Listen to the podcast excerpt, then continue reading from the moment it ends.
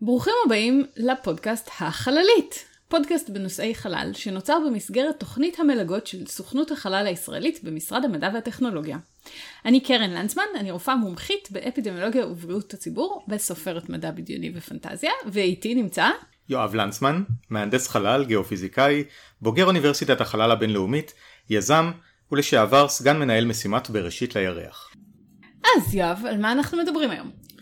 הפרק הזה יעסוק בעתיד של כדור הארץ, מבחינת מה שאנחנו יודעים שיקרה, ונעסוק בין היתר באירועים כמו סוף החיים של כדור הארץ ומותה של השמש, שמדובר על אירועים שיקרו בעוד יותר ממיליארד שנה, ומיליארד זה מספר עצום, אבל ליתר ביטחון, אם אתם נוטים להיבהל מדיבורים על סוף העולם, אנא קחו זאת בחשבון.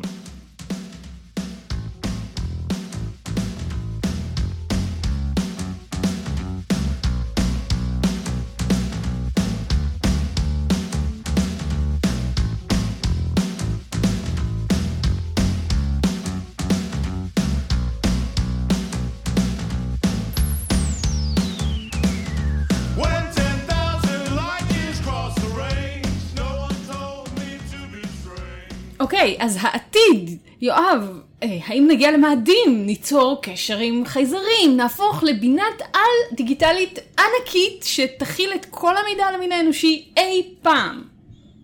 אז כמובן שאנחנו לא נוכל להעלות יותר מאשר ניחושים פרועים לגבי עתיד האנושות וזה זה בהחלט כיף לעשות את זה ובתחום המדע הבדיוני אה, בוחנים אין ספור תרחישים כאלה מציאותיים יותר ופחות אבל אני לא רוצה לדבר על אה, תרחישים אפשריים אלא על תרחישים ודאיים. אני מרגישה שאני צריכה להגיד, "אה?" בפרק אחר פודקאסט אחר אנחנו הולכים לדבר על העתיד שלא נוכל להתחמק ממנו לפחות על פי התפיסה הנוכחית שלנו את היקום ואת חוקי הפיזיקה. אתה רוצה להגיד לי שחוקי הפיזיקה יכולים לנבא מה יקרה לנו בצורה מדויקת? חוקי הפיזיקה יכולים לנבא את התוצאה של תרחישים מסוימים. אה, למשל אנחנו יודעים למדוד ולאפיין את התנועה של מערכת השמש שלנו סביב מרכז שביל החלב ואין לנו שום יכולת לשנות את זה. או אה, להבין טכנולוגיה שתאפשר לשנות את זה יום אחד. אז אנחנו בעצם הולכים לדבר על מה הפיזיקה והמדעים הפלנטריים אומרים על העתיד של מערכת השמש ושל כדור הארץ ובכלל של היקום שלנו. כן, אנחנו ננסה להתמקד בעתיד הבלתי נמנע של הסביבה שלנו. אה, למשל, אנחנו נדבר על האטת קצב הסיבוב של כדור הארץ. רגע, רגע, רגע, רגע, רגע, רגע, רגע. מה? נכון לפעמים את אומרת 24 שעות ביממה פשוט לא מספיק, צריך יותר, אני בדרך כלל אומרת 24 שעות ביממה לאן הם עברו. אז זהו, אז אה, תדעי שזה בטיפול וכדור הארץ לאט לאט אה, מאט והיממה כתוצאה מזה מתארכת. אה, מעולה. זה אומר יותר זמן לשתות קפה ולשחק עם חתולים. כן, אבל זה ייקח קצת זמן, צריך סבלנות בשביל זה. יש ראיות לכך שלפני 600 מיליון שנה, אמ, משך היממה היה כ-21 שעות, בסך הכל. מה? ועם עם הטכנולוגיה המודרנית אנחנו יכולים למדוד את קצב ההאטה הנוכחי של סיבוב כדור הארץ והוא בערך 2.3 מילי שניות במאה שנה או בצורה קצת יותר מובנת 23 שניות במיליון שנה. אני מרגישה שזה לא מועיל לי בכלל, יואב. מתי תהיה לי עוד שעה ליממה? תצטרכי לחכות בערך 150 מיליון שנה. שמה טיימר, הולכת לישון. אוקיי, למה זה קורה? אז אה, ב... התשובה הקצרה היא בגלל הירח. אהה, אני מפנה אצבע מאשימה לשמיים. זה טוב, מועיל, יש שיאמרו. כן. אבל מה בדיוק הירח עושה? הירח וכדור הארץ משפיעים זה על זה באמצעות הכבידה שלהם. אנחנו מכירים את התופעה של גאות ושפל, שרואים אותה פה על כדור הארץ כשאזורים שיש בהם מים, כמו חוף, רואים את, ה, את המים עולים ויורדים אה, פעמיים ביממה. רגע, זה כי הירח מושך את המים אליו, או מושך את כל כדור הארץ? הירח מושך את, אה, את כל כדור הארץ ולכן גם כדור הארץ יש לו איזושהי, איזושהי תנודה סביב עצמו כתוצאה מזה. אה, והגאות והשפל דרך אגב זה לא רק של המים זה גם של האטמוספירה וגם של הקרקע המוצקה. קרקע מוצקה. הגאות, אבל, אבל אם קשה לדמיין את זה אז בואו נדבר רק, רק על המים. מסה אדירה של מים עולה ויורדת כתוצאה מהמשיכה של, אה, של הירח. כשמסה מאוד גדולה על פני כדור הארץ משנה את המיקום שלה, אז מרכז הכובד של כדור הארץ זז. עכשיו, מרכז הכובד של כדור הארץ זה המוקד של הכבידה שמושכת את הירח לכיוון כדור הארץ. זאת אומרת, אם היא מבחינת הירח לא מכוונת ישר למטה, אלא קצת הצידה בגלל הגאות, הגאות שהירח יצר, אז הירח עכשיו לא נמשך ישר למטה, הוא נמשך קצת הצידה. וזה בעצם גורם לירח לשנות את המהירות שלו במסלול סביב כדור הארץ. זו תופעה שקורית כל הזמן, באופן קבוע, והירח למעשה לאט לאט מאיץ, וכתוצאה מזה לאט לאט מתרחק מכדור הארץ. וקצב ההתרחקות של הירח הוא בערך 3.8 סנטימטר בשנה. זה אומר שבמהלך חיי אדם של 80 שנה הירח מתרחק בערך 3 מטרים. זה אומר שמאז שנולדתי ועד עכשיו, הירח התרחק במטר וחצי? כל הגובה שלי הירח התרחק מכדור הארץ? כן, זה בדיוק העניין, זה לא כל כך הרבה,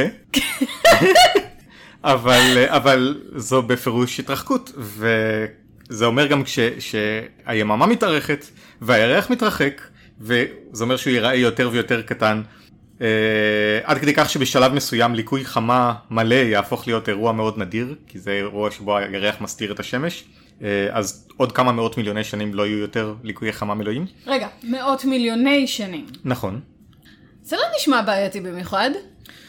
נכון, בשלב הזה בעתיד, בהנחה שהאנושות כמובן תשרוד את התקופה הזו, יהיו לנו בעיות אחרות, למשל העוצמה של קרינת השמש. זה נשמע לי מצוין, זה אומר שלא צריך לדאוג יותר שנשרף כשאנחנו יוצאים בצהריים. העוצמה של הקרינה מהשמש תפחת.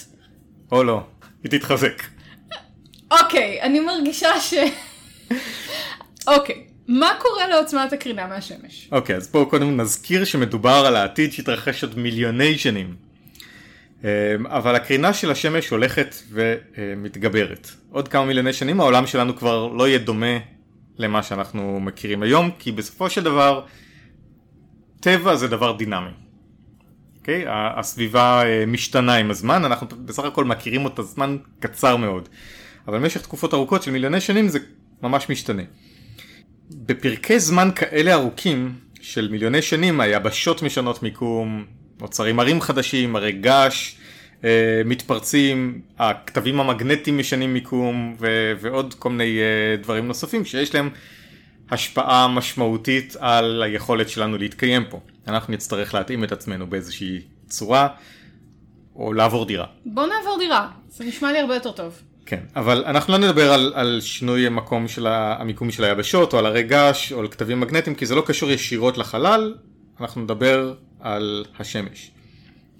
השמש מחממת את האטמוספירה של כדור הארץ, את הים והיבשה, אה, ולכן היא גורם מרכזי מאוד בהרבה תהליכים פה על כדור הארץ. בליבה של השמש, הזכרנו את זה גם אה, בעבר ונזכיר את זה בפרק ייעודי לנושא הזה, אטומי מימן מתמזגים לאטומי הליום בתהליך שנקרא היתוך גרעיני ובתהליך הזה נפלטת אנרגיה והאנרגיה הזו עושה את דרכה אל פני השמש ומתפזרת במהירות האור לכל רחבי החלל. חלק קטן מזה מגיע לכדור הארץ ומחמם אותו כמו שהוא מחמם את שאר הגופים במערכת השמש. שבדרך כלל זה טוב, אלא אם כן אתה בצהריים בקיץ. זה- בדיוק, זה, זה, זה טוב ל- לעצם זה, אנחנו צריכים את זה לעצם קיום החיים על פני כדור הארץ ולעוד כל מיני תהליכים כימיים, אבל כמו כל דבר אחר זה טוב במידה.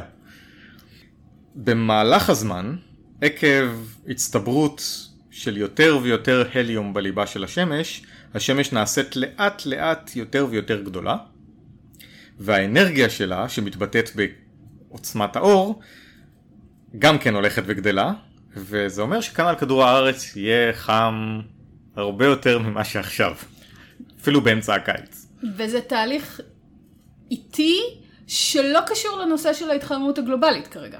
הוא ממש לא קשור לתהליכי uh, התחממות גלובלית, uh, ולכן ההתחממות הגלובלית אנחנו uh, מניחים שהיא תוצאה של uh, מעשה ידי אדם בגלל שהיא משתנה כל כך מהר, והגידול בעוצמת האנרגיה של השמש שאנחנו מדברים עליה הוא בערך אחוז אחד כל 100 מיליון שנה. זה נשמע משהו שאנחנו לא יכולים להרגיש אותו. אנחנו לא יכולים להרגיש אותו, אנחנו, אנחנו גם לא ממש מודדים אותו, אנחנו רואים לפי קצב ההתפתחות של כוכבים אחרים ומתוך ההבנה שלנו של איך כוכבים מתנהגים, אנחנו צופים שזה מה שיקרה גם לשמש שלנו. בסופו של דבר? היא כבר בתהליך הזה, אבל זה ייקח מיליוני שנים להגיע אבל, לשם. אבל זה תהליך שנמשך אה, מיליארדי שנים בסופו של דבר.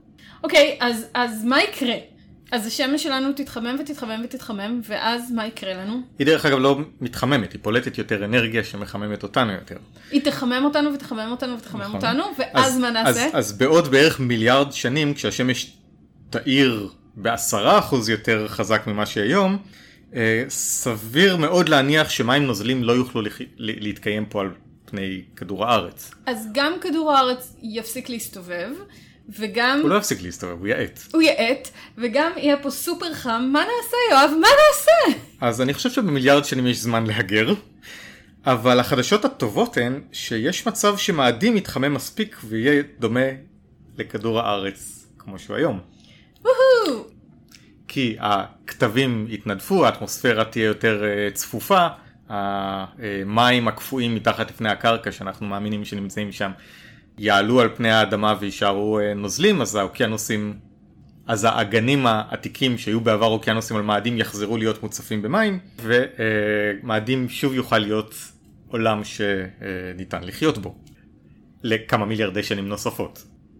אוקיי, מה קורה בעוד כמה מיליארדי שנים יואב? אז כמה מיליארדי שנים אחרי זה השמש תהפוך לענק אדום ומערכת השמש לגמרי לא תישאר במצב הנוכחי שלה, אבל זה כבר סיפור לפרק אחר. הכל, הכל נורא. כן, אבל יש חמישה מיליארדי שנים עד שזה יקרה. אוקיי. אז החמישה מיליארדי שנים הקרובות, אנחנו בסדר, אפשר להירגע. אז תלוי מה יקרה כשגלקסיית אנדרומדה וגלקסיית שביל החלב ייפגשו בעוד ארבעה וחצי מיליארד שנים. אבל בגלל שרוב הנפח של הגלקסיות הוא ריק, אז סביר להניח שלא יקרה לנו שום דבר כתוצאה מזה, אז אין סיבה להילחץ. אלא אם כן יגיעו חייזרים ויפריעו לנו לעבור למאדים בדרך. או, אז מעניין שאת מזכירה את זה. אנחנו, אין לי שום דבר להגיד על uh, חייזרים מהבחינה הזו, כי אין שום ראיות לזה שיש uh, חייזרים שיכולים לבוא ולכבוש אותנו uh, או משהו כזה. אבל זו כן שאלה מעניינת שאנחנו נדון בה בפרק הבא, האם אנחנו חושבים שיש חייזרים?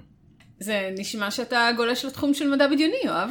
זה נכון, אבל אלה שאלות שגם מדענים מאוד בכירים בעולם דנים בהם בגלל שהמשמעויות שלהם הן מהפכניות מבחינת התפיסה שלנו את מקומנו ביקום. יש למה לצפות. נתראה בפרק הבא. האזנתם לפודקאסט החללית, בהגשת קרן ויואב לנצמן. הפודקאסט הופק עבור סוכנות החלל הישראלית. השיר ברקע הוא 10,000 Light Years של The Phenomenauts, מתוך האלבום Escape Velocity. נשתמע בפרק הבא.